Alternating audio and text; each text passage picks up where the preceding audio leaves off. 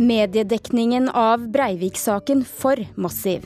Det er et problem for journalistikken at den har en natur som gjør at den eh, i sånne sammenhenger blir en slags nyttig idiot for folk som ønsker å framstille seg på denne måten. Mener medieforsker Paul Bjerke. Morten Rams humornettsted for ny, smal humor blir show på TV Norge. Og bluesen har blitt forgubbet og synger på siste vers. Nå skal forskning redde musikksangerens fremtid. Dette er Kulturnytt. Mitt navn er Stine Tråholt. Mediene opptrer som nyttige idioter for Anders Behring Breivik, sier medieforsker. Rettssaken som startet i går ble behørig dekket av både norske og utenlandske medier. Og mange mener at det ble for mye. Hvis dette hadde vært en ukjent person, så ville det jo knapt fått oppmerksomhet i, eh, i, mediene. Men fordi Breivik er en kjent person, så får det stor oppmerksomhet i mediene. Og dette er jo sånn sett en form for, for kjendisjournalistikk. Det sier medieforsker Paul Bjerke om mediedekninga etter første dag av rettssaken mellom Anders Behring Breivik og staten. Det er et problem for journalistikken at den eh, har en natur som gjør at den eh, i sånne sammenhenger blir en slags nyttig idiot for folk som ønsker å framstille seg på denne måten. Saka var øverst på alle de største nettavisene store deler av dagen i går og var høyt oppe på hva det ble mest tvitra om i verden. Mediedekninga var et av tema Twittoratet tok seg av. En av meldingene på mikrobloggetjenester var sommeren 2011 hadde flere medier en av på-knapp for nyheter om Breivik. Kan den aktiveres igjen? Takk. En annen Trist når norske medier så til de grader er Behring Breivik akkurat det han vil ha oppmerksomhet i form av forsidene på nett. Signert Civita-rådgiver Eirik Løkke, som forklarer nærere. Jeg skjønner veldig godt at denne saken har uh, offentlig interesse. Men jeg skjønner jo at uh, Dagbladet, VG, Aftenposten og NRK og de andre ikke nødvendigvis snakker sammen. Det blir vel summen av det som blir litt vel mye, syns jeg. Det som ble det største temaet, var bildet av terroristen som gjør nazihelsing. Det gikk verden over, og internasjonale medium som BBC, CNN, New York Times og The Independent hadde alle sak og bilde. Bjerke mener det er et problem at ingen medium tør tenke annerledes i dekninga av ei sak. Ved å gjøre denne nazihilsen når han møtte opp i retten, rettet mot eh, pressefolkene, så fikk han jo akkurat den oppmerksomheten som han hadde ønsket seg. Tar, eller noen medier kunne vel ha sagt vi ønsker ikke å delta i dette showet som Breivik regisserer, fordi at den eneste grunnen til at han gjør dette, er å få oppmerksomhet på, de, på sine egne premisser. Dagbladet var en av de som viste bildet og hadde flere saker om rettssaker. Redaksjonssjef Hilde Skjerve reagerer på kritikken fra Bjerke. Jeg syns det er ganske oppsiktsvekkende egentlig at en eh, medieforsker sier det. Eh, det skulle jo tatt seg ut hvis eh, vi begynte å sensurere det her. Det ville jo vært et demokratisk problem. Men det er jo selvfølgelig viktig at, altså at vi ser utfordringen vi har også i media med at vi må unngå sirkus og at den gis for stort rom da, til å spre propaganda. Så det blir jo, det blir jo en balansegang. Etikkredaktør i NRK, Per Arne Kalbakk, sier det hele tida er et dilemma å dekke saker uten å bli en bådbringer av ideologien til terroristen, men mener saka har allmenn interesse. For Det handler om soningsforhold og grunnleggende menneskerettigheter. Og det er interessant eh, når det skal prøves eh, for en eh, domstol. Noen mener at vi ikke burde vist bilder av ham en gang. Det mener jeg at vi må gjøre. Det er en del av å dokumentere det som skjer. Men vi har en viktig oppgave og et viktig ansvar å ikke være en politisk talerstol og et politisk talerør for ham. Forfatter Øyvind Strømmen, som har skrevet flere bøker om høyreekstreme miljøer, tror ikke bildet av terroristens nazihilsen vil forandre statusen hans i disse miljøene. Eh, han, har, han er allerede forbundet med de grusomme handlingene han begikk 22.07. Det er ulike syn på, på Breivik også innad i høyreekstreme miljø, og det er ulike syn innad i nynazistiske eh, miljø. En del har jo da også putta han inn i et sånt konspirasjonsteoretisk verdensbilde der han blir en, en representant for sionistene, jødene osv., mens andre har da tatt han til seg som en slags helteskikkelse, og det har man kanskje sett spesielt mye av eh, i, i, tidligere sovjetstater. Det at media nå er med på å spre dette bildet, eh, eller òg indirekte hans, hans, budskap, hva effekt får det? Jeg tror ikke det har spesielt stor effekt uh, sånn sett, fordi at uh, han er uansett Eh, knytta til de handlingene han har stått bak. Eh, og det er selvfølgelig noe som har gått verden rundt allerede. Men, men, men det er klart rettssaker og den type ting kan brukes som en anledning for å, for å vise seg fram, for å få ut et budskap, om enn i begrensa form. Reporter Maria Pile Svåsand. Kulturkommentator Agnes Moxnes, hvorfor reagerer folk på dekningen? Det er vel rett og slett fordi de fleste mener at de har sett nok til ham, og at de ikke ønsker å gi ham mer oppmerksomhet. Og så handler nok også den reaksjonen som vi hører her på at mediene i forkant sa at de skulle ha en veldig begrenset og litt sånn beskjeden dekning om dette her, av denne saken, fordi det handlet om prinsipielle forhold, altså soningsforholdene til Anders Behring Breivik. Eh, og så viste jo gårsdagen til eh, fulle, vil vel mange si, at det ikke ble sånn. Det ble en, en kraftig eh, dekning, og ikke bare i Norge, men også i resten av verden. Og i tillegg så kommer da denne diskusjonen eh, som ble utløst av eh, terroristens nazihilsen, om mediene her blir brukt av terroristen. Ja, for dette eh, bildet av at han gjør denne hilsen, det ble mye vist i går. Ja, det ble vist eh, absolutt eh, overalt. Og, og, det er jo klart at det er jo i medienes natur å, å vise, være raskt ute i en sånn sammenheng, for det var det som skjedde under rettssaken. Men så er det jo da i forlengelsen av denne mediedebatten som allerede nå er i, i full gang, er jo om mediene har full kontroll i slike situasjoner eh, hvor ting skjer der og, og da.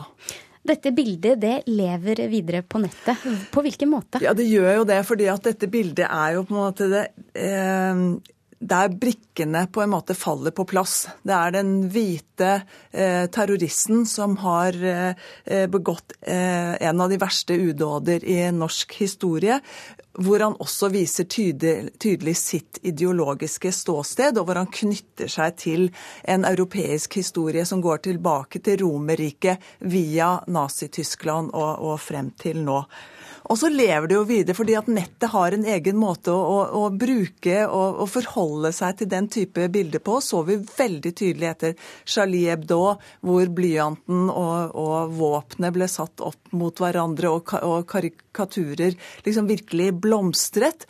Eh, og det som jeg ser på flere av bildene på, på nettet nå av Anders Behring Breivik, hvor han gjør denne nazihilsen Noen har hengt en jojo på fingeren hans, andre har tegnet på han Mickey Mouse eh, Eh, ører, hvor han da sier at eh, jeg vil gjerne ha en beige hund, herr dommer, eh, i akkurat denne høyden.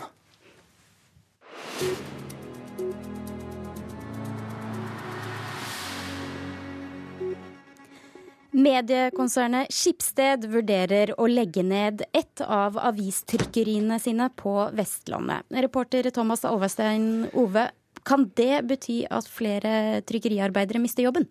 Det vil bety det dersom de kommer frem til eh, en sånn konklusjon. og Det er snakk om enten trykkeriet i Bergen med 72 ansatte, eller trykkeriet i Stavanger med 38 ansatte. Eh, og det er det stadig fallende salget av papiraviser som gjør at Schibsted nå eh, ser på hvor mange trykkerier de kan opprettholde. Og Hvilke konsekvenser får en slik nedleggelse for oss som leser aviser?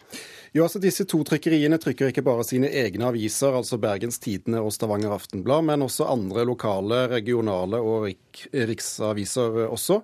Bergensavisen er en av dem, og der sier sjefredaktøren til Klassekampen i dag at eh, en nedleggelse eh, av trykkeriet for hans del i Bergen da, ville bety økte kostnader og mye lengre strekk og rett og slett frakte avisene på. Eh, og det igjen betyr at de må sende avisen tidligere til trykking, som betyr mindre ferske nyheter i avisen. Og, og at de får mindre tid til å jobbe med sakene som skal stå i neste dags avis. Og så skal vi en tur til Danmark. Det store spørsmålet der om dagen er hva er dansk kultur? Finner de svaret? det gjenstår å se. I går så startet de nemlig en eh, prosess. Kulturminister Bertel Haarder inviterte 30 kulturarbeidere til et såkalt eh, idéseminar for å finne, finne, svar på spørsmålet hva er dansk kultur. De vil lage en såkalt Danmarkskanon. Um, og det er ikke snakk om uh, å finne ut hvilket kunstverk eller hvilken sang alle dansker bør vite noe om eller kunne, men dette er mer uh, verdi, verdibasert kultur, altså ytringsfrihet, uh, ideen om høyere utdannelse osv. Um, så dette skal ikke være noe ovenfra ned-prosjekt, men, men, gjennom en egen nettside så skal alle innbyggere i Danmark kunne få lov å sende inn forslag til hva som er dansk kultur. Og hvorfor gjør de dette nå? Danskene har gjort eh, lignende prosjekter tidligere, men den store flyktningstrømmen har selvfølgelig trigget en ny og større runde. Eh, men vi må eh, nesten skylde dem å nevne at både kulturministeren og de som deltok på seminaret i går, de, de, understreker at dette er ment som en hjelp i integreringsarbeidere. Det skal gjøre det lettere for nye borgere å gjøre seg kjent med det nye landet. Mer enn at her serverer man en liste på asylmottaket med kulturuttrykk som man må kunne. Her i Kulturnytt så har klokken blitt kvart over åtte, og dette er nyhetsoverskriftene denne morgenen. Donald Trump vant i tre delstater i nattens nominasjonsvalg, men tapte i Ohio. På demokratenes side vant Hillary Clinton fire nominasjonsvalg. Opptellingen er ennå ikke ferdig. En innsatt som soner i isolat, kan få isolasjonsskader selv om vedkommende har vært i kontakt med ansatte i fengselet. Det sier psykolog Joar Øverås Halvorsen. Rekordmange er på sosialstøtte. I fjor brukte samfunnet over 6 milliarder kroner på økonomisk sosialhjelp. Økningen er på nesten 8% sammenlignet med året før. Det er 20% galskap og 80% galskap. det dreier seg om det er å spille med hjertet utapå drakta. Og hjernen utapå hjelmen. For hockey det handler om å få en puck i fuckings huet uten å bli hjerneskada. Skjønner du hva jeg mener? Gutta, gutta, gutta, gutta! Hockeygutta som kanskje er mer opptatt av å klaske hverandre i bakhodet og tisse på hverandre i dusjen, er en av mange videoer som er lagt ut på nettstedet Humornjø det seneste året. Og målet skal være å få opp og vise fram nye norske humortalenter. Og det er dere som står bak, eh, Bjørn Asgeirsson og Morten Ramm. Velkommen til Kulturnytt. Jo, takk skal du ha. Dere starta dette nettstedet for ett år siden. Har dere nådd målet deres? Eh, vi når målet hver eneste uke. vi satte oss aldri noe mål, egentlig, så vi har ikke kommet dit ennå. Vi har ikke rukket å evaluere det målet det, dette året. Men dere vil likevel ha opp og fram nye, ny norsk humor? Det er jo det er, det, det er utgangspunktet. er at uh, Vi har en plattform som, uh, hvor, uh, hvor, nye folk kan få muligheten til å hva skal jeg si, det man i gamle dager kaltes å breake i, i bransjen altså jobbe som komikere. Eh, nå er det vanskeligere for nye folk å komme til på i, i TV-kanalene. Fordi eh, ja, det er eh, større, hardere kamp om TV-seerne, og lineær-TV begynner å flate litt ut. Og nettet er liksom Ja, det er jo den Hva skal jeg si? Det er, det er den nye TV-kanalen, TV det. Et naturlig sted å være morsom. Men tjener dere noe penger på dette nettstedet? da? Vi tjener eh, penger nok til at vi får produsert nye ting for nye folk. Eh, og da er vi fornøyd. Og at det er stadig hva skal jeg si, groende eh, Altså eskalerer eh, hver, hver, måned i antall klikk. Så da, det er jo det vi er interessert i. At, aldri det skal aldri duppe dette her. jeg, tror vi landet, jeg tror vi fikk et resultat på 15 000 i 2015. Ja. Så, ja. Men hva skiller ja, hva skiller denne humoren dere lager på dette nettstedet fra det vi kan se på Latter og på TV? Jeg, Unnskyld. Eh, altså, forskjellen på humor er at det er jo ikke veldig Hva skal jeg si? Den er ikke skreddersydd for et spesielt publikum. Eh, på Latter så er det jo veldig, eh, veldig dyktige og teknisk gode standup-komikere som eh, er altså, altså er jo, ja, så det er jo en veldig, De bruker på en måte nesten en formel for å skrive vitser og lage humor. Eh, og det er jo sånn man må jobbe når man skal treffe et, eh, et, et breit publikum. Eh, men vi håper å få nye folk med nye impulser, og som som kan forme seg sjøl. Eh, og når de merker liksom, og blir kjent med liksom hva egentlig de hvordan de vil lage humor, eh, gjennom å få prøve å feile litt mer enn man kan gjøre på TV eller på en scene som Latter, f.eks. Men allikevel så gjør dere jo nå dette mye større. Fordi dere skal ha eh, show på den nye kulturscenen Sentralen i Oslo. Og eh, dere skal også ha show på TV Norge. Hvordan skal dere da eh, klare å ta vare på dette nye og tørre å gå på trynet? Jeg må bare si TV 2, så ikke folk blir sure, sure her. TV 2, faktisk. Ja, ja, ja. Vi skal på testen, så skal vi på TV 2 Humorkanalen. Og i morgen så skal vi ha et show på, på Sentralen, det nye kulturhuset ved siden av Stortinget i Oslo. Nei, ved siden av uh, Jo, Stortinget. Ja.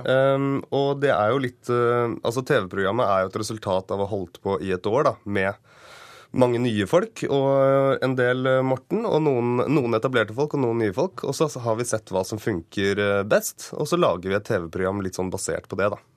Men hvordan ta vare på det der nye, friske? Nå blir dere jo en av den store massen igjen. Vi gjør det, men uh, nå, har de, nå, har de, på en måte bestilt uh, Humor Njø uh, TV. Og da får de det. og da får de det. så de vet jo på, litt på en måte hva de har bestilt, så de kan liksom ikke bli skuffa heller og tenke at ja, men vi fikk bare 0,7% seerandel. Det er litt for smalt, dette her. Jo, men det er eh, kanskje det vi har laget hittil. da jeg, synes, jeg, for min del syns ikke det er eh, det, det mest, Mye er smalt og rart, men eh, det er også det det skal være. Det skal treffe litt forskjellige uh, typer mennesker. Og alle som er der, hvis de liker, for eksempel, hvis de liker 20% av det vi har der, så er jeg veldig veldig fornøyd. men dere, hvorfor navnet Humornjø? Det er, det er Før det begynte med, for en del år siden, hvor jeg og broren min hadde et Vi mente at, ja, at det franske språket skulle komme inn og ta over for den engelske slangen. Og da tulla vi mye med at det skulle være at det skulle være istedenfor uh, ganske hva skal jeg si, ungdommelig og swag-språk, så skulle det være mer uh, f.eks. lasagnac og champagne og ja, fotball, fotball noir. Altså at det skulle være mer den type slang. Det var bare en uh, artig intern humor vi hadde, og det har bare holdt uh, ved meg lenge. Så begynte jeg bare å være sånn litt sånn rammenjø på Twitter og Instagram og sånn. Og så endte det med at Bjørn også nå heter Bjørn Njø. ja, og han har tatt det veldig seriøst også i dag, for eh, du har på deg en genser som det står Njø på. Tusen takk for at dere kom til Kulturnytt, Bjørn Asgeirstrand og Morten Helland. Vi hadde Ram. så mye mer på hjertet, men jeg, skjønner, jeg, jeg, jeg skjønner at tiden går ut. Jeg er sikker på at det kommer flere sjanser. Ja, ja, jeg skjønner det. Vi men, går videre i sendinga. Kjempe, kjempebra at du kom. Ja.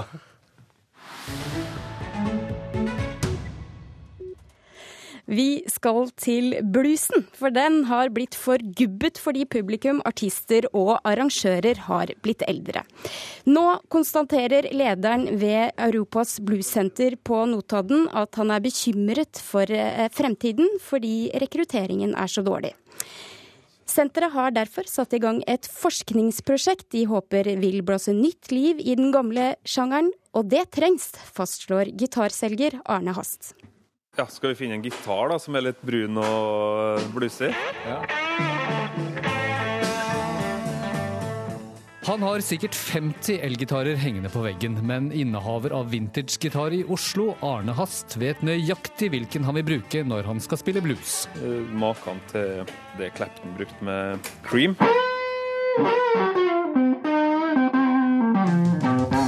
Men gitarkundene er ikke så opptatt av blues lenger, sier Hast. I hvert fall ikke de unge.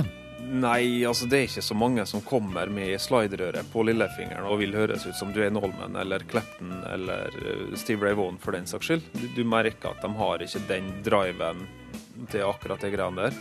Dette er en problemstilling Europas bluessenter på Notodden kjenner godt. For 30 år siden var blues en sterk sjanger, men de siste årene har det skjedd en forgubbing. Og den må man forsøke å stanse, sier daglig leder ved bluessenteret, Espen Fjelle. Bluespublikummet har blitt eldre, bluesartistene har blitt eldre, og arrangørene har også blitt eldre i løpet av disse årene. Jeg frykter at uh det ikke er noen til å overta stafettpinnen, f.eks. på Notodden, eh, hvor vi har bygd opp eh, Europas kanskje største bluesfestival, og vi har Europas eneste bluesmuseum og flere andre bluesaktiviteter så er det viktig at det kommer eh, nye mennesker til for å ta dette videre. Problemet oppleves nå så stort at Europas Bluesenter har satt telemarksforsking på saken. Mari Torvik Heian skal lede arbeidet og presentere det under bluesfestivalen i august. I dette prosjektet så ønsker vi altså å få kunnskap om hva slags status blues har i Norge. Og vi skal også skissere noen strategier for eh, hvordan man kan legge til rette for å bedre rekrutteringa og også hvordan man kan øke omdømmet til blues som sjanger. Uten at jeg har noe fasitsvar på det, så har jeg en følelse av at eh, f.eks. det eh, norske jazzmiljøet har eh, gjort ganske mye mer og kommet lenger i det arbeidet enn hva bluesmiljøet har klart. Sier Espen Fjelle i Europas Bluessenter. Hos Vintage Gitar i Oslo tror Arne Hast at problemet til bluesen er at det ikke finnes så mange idoler som de unge kan se opp til lenger. Mange av de største stjernene innen bluesen er jo rett og slett døde. Jeg husker når vi vokste opp på 90-tallet, så hadde vi veldig mange å henvende oss til. Steve Ray Vaughan, og du hadde fremdeles veldig mange av de originale bluesmusikerne i live. Om vi ikke skal ha en ny Jimmy Henriks eller en ny Steve Ray Vaughan, så må vi ha noen som kan vise litt finger til folk igjen, for folk er altfor redde bluesen er blitt for ufarlig? Alt er blitt for ufarlig. Det, det er det som er problemet. Og det, det, er liksom det siste vi sier til en 18-åring som kommer og kjøper seg en, en filgitar her. Nå går du hjem, og så skrur du opp.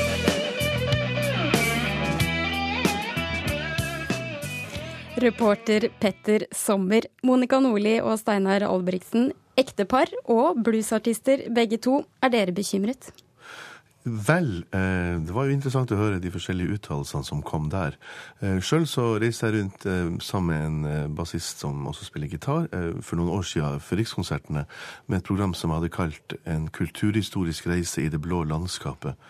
Og da skjønner du at det handler om bluesens historie, da, litt etter min hukommelse. Så jeg valgte ut de artistene som jeg virkelig likte og fikk fremført det, både med lysbilder og med kamera som filma det jeg gjorde med fingrene. Og på hver konsert så hadde vi med uh, unge gitarister fra grisgrendte strøk, blant bl.a. utenfor Molde var det en veldig ung gutt som spilte skjorta av de fleste jeg har hørt. Så det, det Så du syns ikke det er noe problem med altså, rekrutteringen?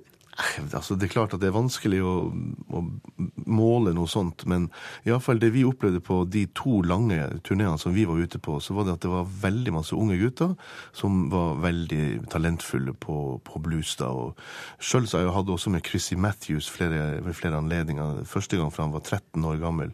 En, en norsk-engelsk gutt som nå har egen karriere både i England og i Norge som bluessanger og, og bluesgitarist. Så det er klart det rører seg i grasrota grasrota, og det er ikke alt som kommer på TV, for å si det sånn. Og spesielt ikke bluesmusikken. Og der har vi kanskje media også en rolle å, å, å fullføre. For jeg mener jo at det, vi lever i en så veldig sånn historieløs tid. Og det som jeg elsker med, med bluesen og den bluesmusikken som jeg spiller, nemlig akustisk blues fra 30-40-tallet, det at det har veldig mye historikk i seg. Og man kan lære å kjenne hvordan folk levde på den tida, og, og hvordan de ikke minst døde. da.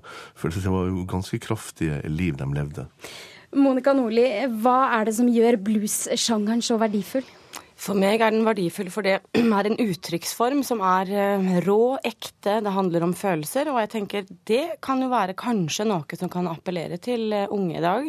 Eh, vi lever i en tid der alt går veldig fort. Kravene til vellykkethet, dresskode, være intelligent, tynn nok, smart nok. Alt skal liksom funke. Eh, og der kommer bluesen faktisk som en kan være en reddende havn eh, for unge mennesker hvis de oppdager det. Fordi det blir en veldig sterk kontrast til dette vellykkethetssamfunnet. Og det er flere norske bluesartister som har satt spor etter seg. Her er en av dem.